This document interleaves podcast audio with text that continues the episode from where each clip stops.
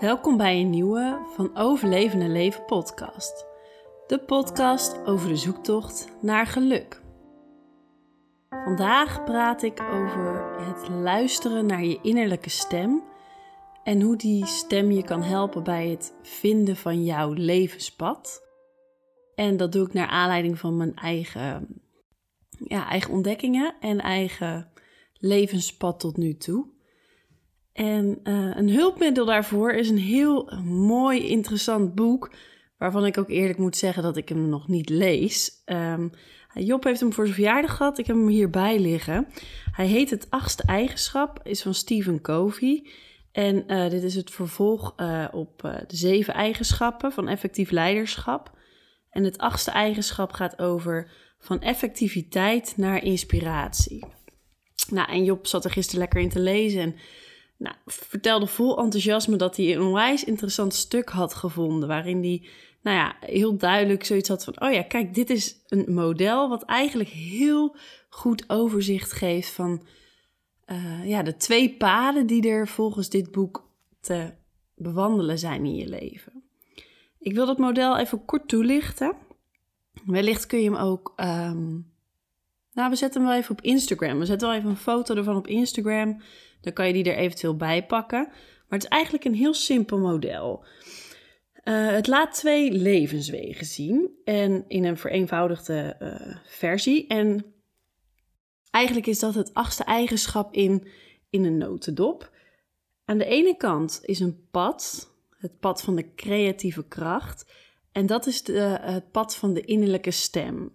Um, er staat ook bij van binnen naar buiten. Dus wat je hart je ingeeft, wat je van binnen voelt, wat je ziel, je innerlijke stem, um, wat die ingeeft, daar, daar leef je naar. En het gevolg van het uh, kiezen van dat pad is dat je vaak ook andere mensen inspireert en, en dat je groots denkt en nou ja, dat er heel veel mogelijk is. Het andere pad uh, is het pad van de culturele software, zoals ze dat in dit boek noemen. En die is van buiten naar binnen. En dat is vaak de gemakkelijke weg. Het heet niet voor niks de culturele software. Dat is wat eigenlijk de meeste mensen doen. En uh, op dat pad kan het zijn dat je je innerlijke stem verliest, of dat je überhaupt helemaal niet eens wist dat die er was. Dat je gewoon heel erg vanuit je cognitie denkt dat dat is wat je moet doen. Ehm, maar dat je niet meer in contact staat met je gevoel. En uh, je vindt het dan ook vaak als je in dat pad zit lastig als anderen wel hun innerlijke stem volgen of wel op dat creatieve pad zitten. En het gevolg van het culturele softwarepad is dat je, nou, je kan gewoon een prima leven leiden. Even kijken, wat staat hierbij? Um, het is menselijk potentieel in een dwangbuis. Dus dat vind ik wel mooi. Dus je kan wel tot je potentieel komen, maar wel in een bepaalde dwangbuis. Waarbij juist bij het creatieve pad staat uh, grootsheid, ruimte voor je menselijke potentieel. Nou, Job had er gisteren over gesproken en ik, uh, ik zit net met een kopje koffie in de tuin. Vaak de momentjes waarop, uh, nou ja, waarop ik lekker even aan het filosoferen ben.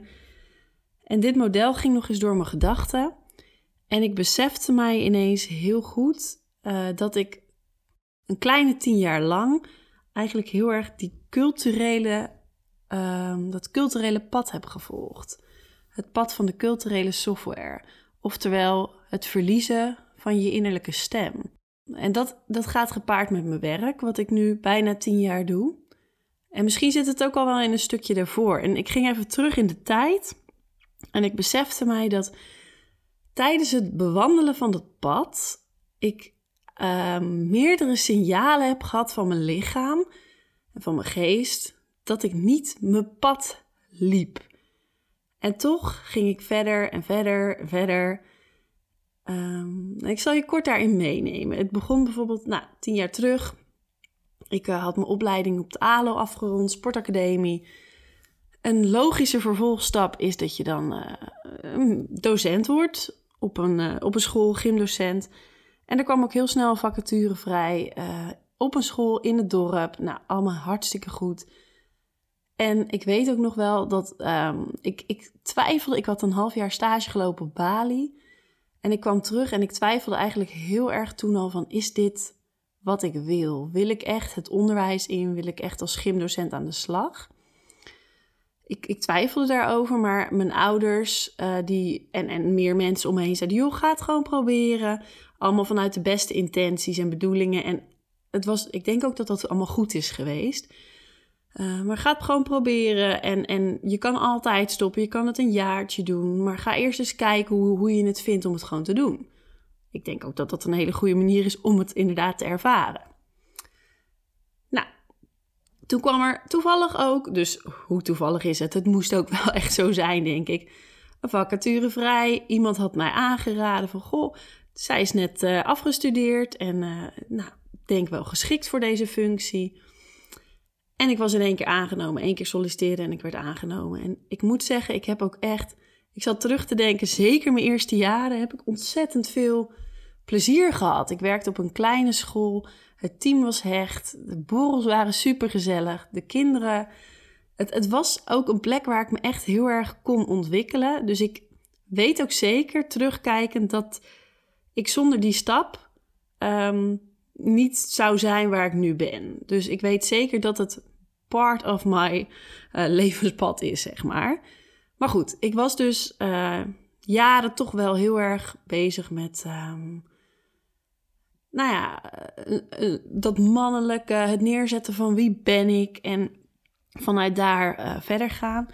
Het eerste signaal van mijn lichaam was mijn stem. Eigenlijk al tijdens mijn opleiding. Ik had vaak een schore stem. En ook tijdens de eerste jaren, nou, uiteindelijk was het na vier, vijf jaar werk, was mijn stem uiteindelijk op een, op een dag helemaal compleet weg. Nou, de stem is natuurlijk de manier om je te uiten. Het vijfde chakra, als je iets meer weet over de chakra's. Um, in hoeverre durf je jezelf te zijn? Durf je je te uiten? Maar ook um, uit je dat wat je echt belangrijk vindt. En nou ja, ik ging aan de slag met die stem en van alles doen. Moest ook een tijdje daardoor stoppen met gymles geven. Maar ik zocht het echt nog niet in. Goh, is wat ik doe dan misschien niet helemaal wat ik uh, zou moeten doen? Dat was het eerste, eerste aandachtspunt waarvan ik nu denk: ah ja, kijk, daar kreeg ik al een signaal. Maar ik was heel blij dat ik op een gegeven moment weer aan de slag kon. En ik haalde nog steeds heel veel plezier ook uit het werk. Dus ik denk ook dat het um, nog steeds goed was. Uiteindelijk fuseerden we met uh, een andere afdeling van de school en dat maakte dat er heel veel op me afkwam. Eigenlijk veel meer prikkels, veel grotere school, grotere gymsectie. En um, de volgende, het volgende signaal dat ik kreeg waren hartkloppingen. Dat is denk ik nu vier jaar geleden een periode van hevige hartkloppingen. Slecht slapen, eigenlijk dus heel duidelijk een signaal van mijn hart. Niet, je volgt je hart niet. Je bent hier ontzettend hard aan het werken. Je doet ontzettend je best. Wat je doet, doe je ook best goed. Maar je werkt niet vanuit je hart. En uh, ik, ik heb dit denk ik een paar jaar, denk twee jaar terug, echt ook pas ingezien. Dat ik me toen besefte, ja, ik werk niet van binnen naar buiten, maar van buiten naar binnen. Dat wat ik moet doen, stokt toch ergens met mijn binnenwereld, ergens met mijn, innerlijke stem. En dat uitte zich toen de tijd dus bij mijn hart. Goed, doorploeteren. Weer een jaar later kreeg ik last van angstaanvallen.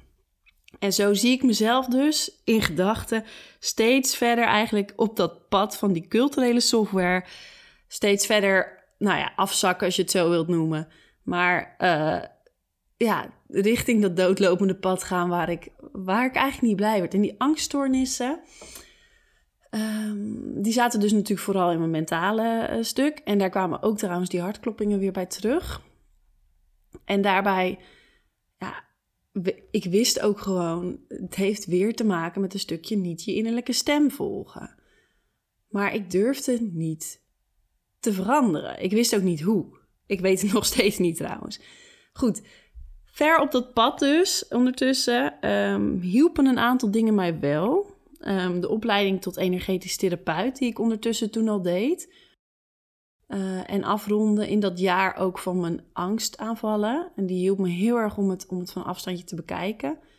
Ik liep een tijdje bij een psycholoog die ook heel veel tips gaf. En nou, in de gesprekken met haar kon ik het steeds beter begrijpen wat er gebeurde. En ook, ik zag toen mezelf op een gegeven moment van ja, het is de maatschappij en ik. En ik pas misschien niet altijd zo in dat plaatje. Of in ieder geval als ik dan naar de school keek en hoe de collega's daar allemaal alles deden. En pas ik dan wel in dat plaatje? En, en toen was het voor het eerst dat ik dacht, hmm, misschien is dit dan dus niet de plek voor mij. Goed, toen gingen we, um, eind 2017 gingen we 2,5 of drie maanden gingen we op reis.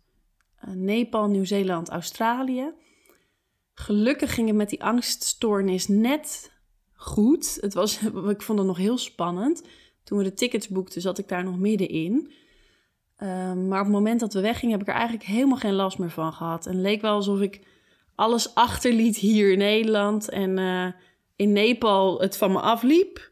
En, want we gingen naar Evers Base Camp toen. En dat was gelijk, uh, ja, het was gewoon echt heel ver weg. En daarna Nieuw-Zeeland, Australië.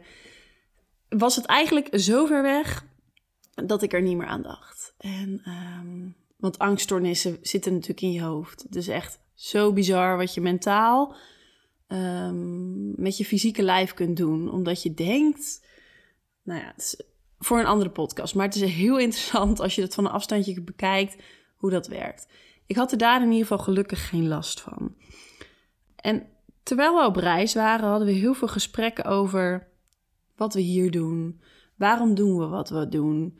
Wat maakt dat we allebei eigenlijk achteraf gezien hebben we het eigenlijk altijd al over dit, model gehad, zonder dat we dat wisten.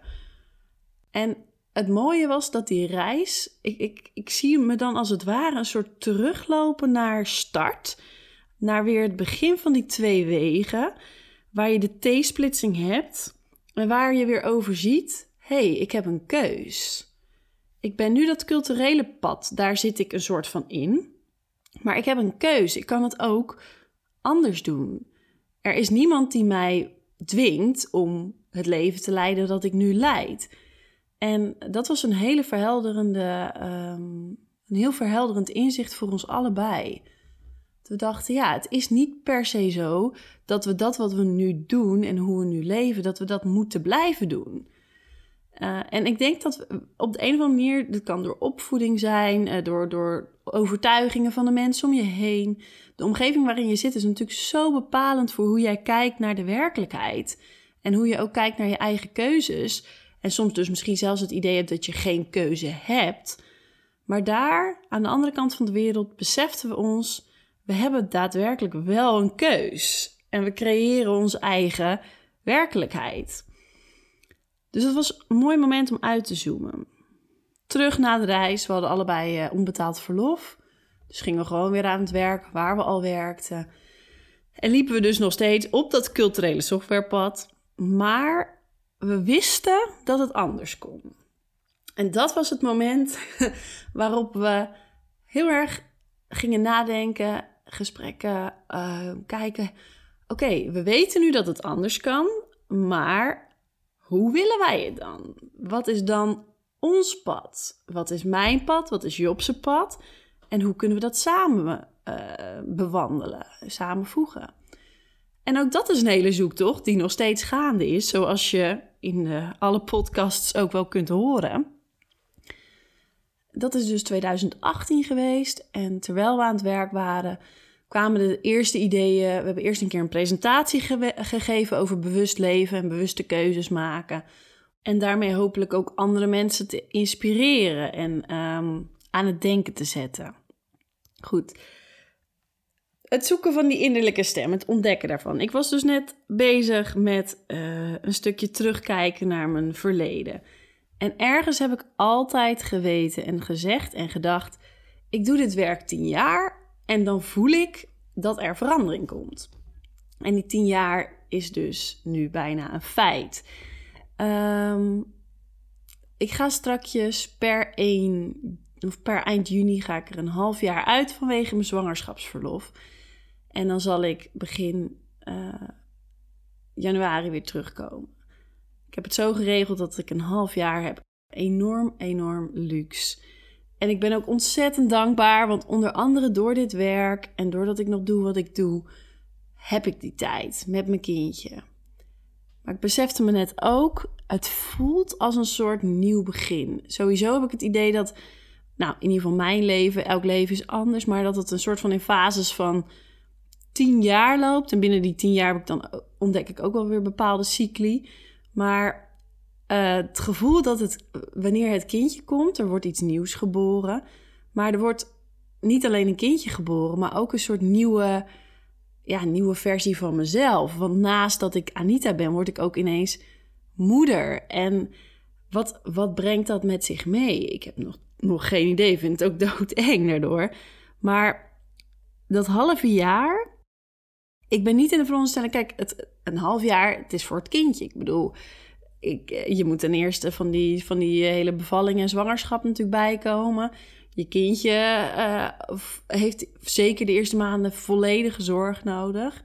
Dus het is niet dat ik denk, nou, dan kan ik in die tijd me, hè, alles compleet veranderen. Maar het voelt meer als een moment van, ik sta weer aan die start van die twee wegen. En welke weg ga ik dan nu inslaan? Ik ben tien jaar lang toch wel een beetje mijn innerlijke stem verloren. Ik heb tien jaar lang dat pad bewandeld en ik weet nu, oké, dat is daar te vinden. Um, wat is daar te vinden voor mij? Wat belangrijke waarden zijn: controle, zekerheid, financiële overvloed. En die, ik weet dat dat ook belangrijk voor me is. Dus um, dat pad, dat brengt ook veel. Dus het is ook geen fout pad. Het heeft me daarnaast heel, heel veel geleerd en heel veel moois gebracht.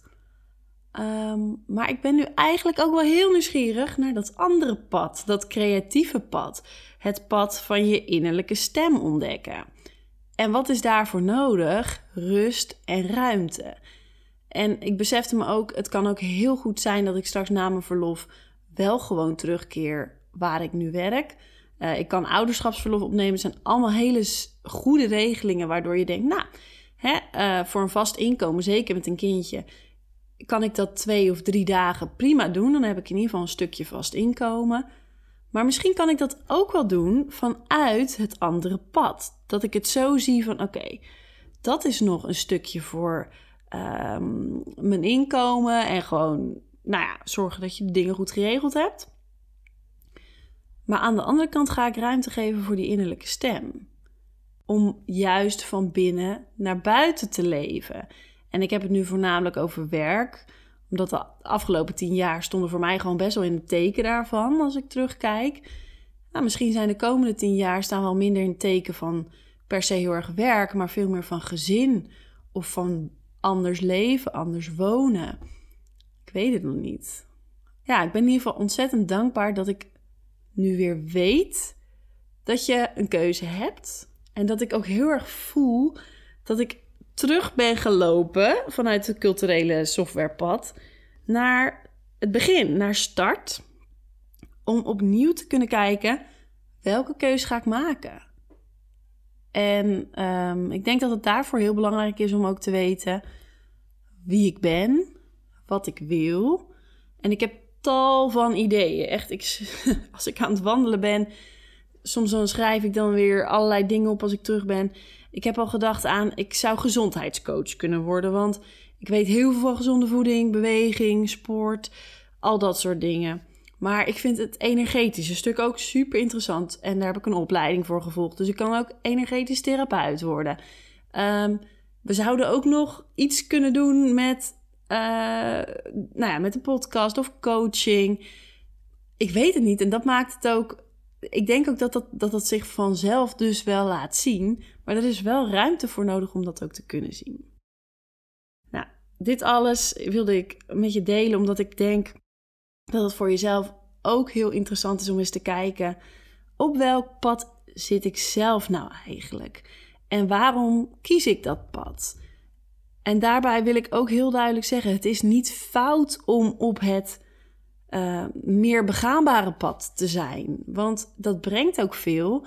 En daarnaast is als jij zekerheid en ehm, financieel eh, veel geld hebben en, en, en veel spullen kunnen hebben, als, als dat belangrijk voor je is, als die waarden jouw leven kleuren, dan kan het dus heel goed zijn dat je een bewuste keuze maakt voor het pad dat je nu loopt. Uh, maar het kan ook zijn dat je misschien denkt, nou, wat ik doe, vraag jezelf vooral eens af, wat ik doe in mijn dagelijks leven, voelt het als ik moet en ik overleef en ik doe het van buiten naar binnen? Of voelt het als ik doe wat ik echt leuk vind? Ik, ik kan leven. Ik ben, ik ben in het hier en nu. En ik, wil, ik, ja, ik, ik leef van binnen naar buiten. Want dat kan ook gewoon als uh, docent. Of eh, dat kan natuurlijk in elke functie kun je ook dat gevoel hebben. Dus het is interessant om die vraag voor jezelf te stellen. En dan wil ik graag afsluiten met een, heel mooi, uh, een hele mooie quote die in het boek staat. Absoluut niet zelf bedacht. Door, even kijken, Robert Frost. Die zegt, ik pak hem er even bij, dan kan ik hem gewoon mooi voordragen. Two roads separated in the wood. And I, I took the less traveled one. And that made all the difference. En het is niet zo dat dat pad jouw pad hoeft te zijn, maar het is wel heel goed om bewust te kijken welk pad jij wilt lopen en of je je innerlijke stem volgt. Daarmee zijn we aan het eind gekomen van deze podcast. Leuk dat je weer hebt geluisterd en tot de volgende keer. Wil je op de hoogte blijven van de nieuwste releases? Um, of dit model bekijken of wat dan ook? Je kunt ons volgen op Instagram van overleven naar leven.